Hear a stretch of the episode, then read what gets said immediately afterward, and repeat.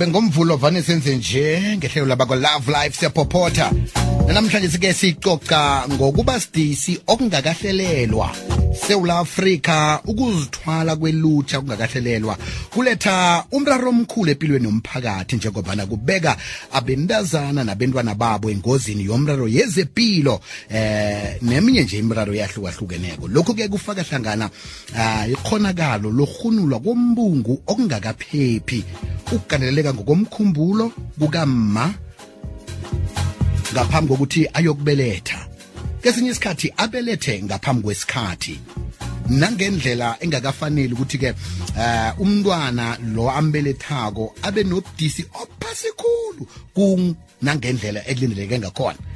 Ukuzithwala ungakahleleki kulithwayo eliqakathekileko lokhonakala eh lekhonakalo yokuthwayeleka nangengogwana ye-HIV amanye amahubhululo-ke enziweke eSouth Africa phaveze ukuthi i-one third yabantu bengubo abazithweleko bathweleke nge-HIV begoduke ngemva kokuthi bathole lokho ukuthi-ke bathwayelekile baragele phambili ngokudlalelana ngokomseme ongakavikeleki nomuntu omduma umuntu omduna wobujamo be HIV angabaziko namtjana eh umuntu omduna lo uthi ukuthi ke i-HIV status yakhe i-negative.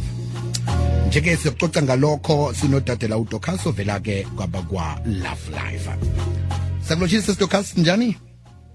Ngiyalotsha kuwe biziwe nabalaleli bekwekwezi mhm siyathokoza nje ukuthi uhlanganyele nathi kodwa namhlanje sisokucoca nganasi indaba ekulu mhm.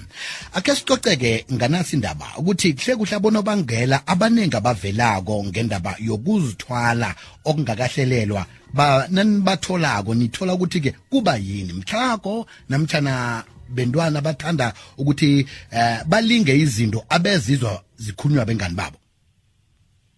Um abonomangela ababakhona abavelako kakhulu kuma-teen pregnancies or unplanned or adolescent pregnancies eh sithola ukuthi kuba ama inconsistent use of ama-contraceptives ukusebenzisa ukuvikela imbeleko or incorrect and inconsistent use of ama-condoms. And kwesinye isikhathi it can be a lack of education mm. or knowledge ngama-sexual and reproductive health rights wabo. Kwesinye isikhathi it can be ama-early marriages or ama-forced marriages. La uthola ukuthi at a young age you are expected ukuthi uchade umuntu eh that time awuna information about anything. Now ama-means akhona ikhona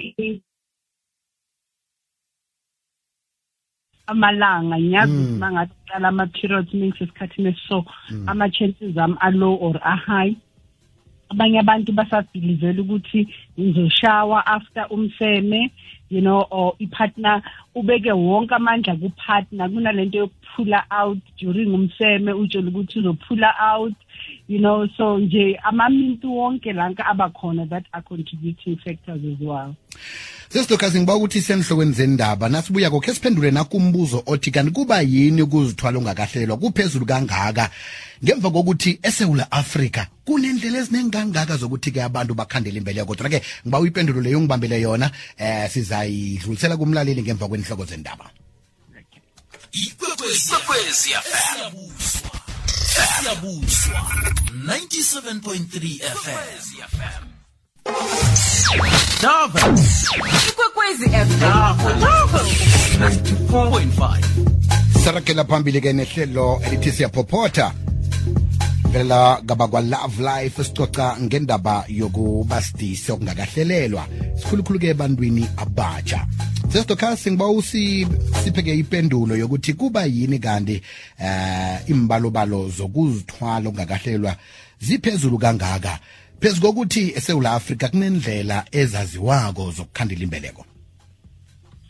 Um abantu abaningi abasha wena biziwe kume bengena kuma stages wabo we adolescent uh, uh we always siba siba siba judgmental you know mm. eh so lento iyenza ukuthi abantwana babe nokusaba baba nefear yokuthi bangaze bayiziyele nje ekliniki bahambe bayobuza imibuzo nge-pregnancy nge nangokuthi ama-contraceptives asebenza kanjani without any judgment and stigmatizing them ukuthi sicabanga ukuthi sebefuna ukuya emsemeni or sebeba-sexual active.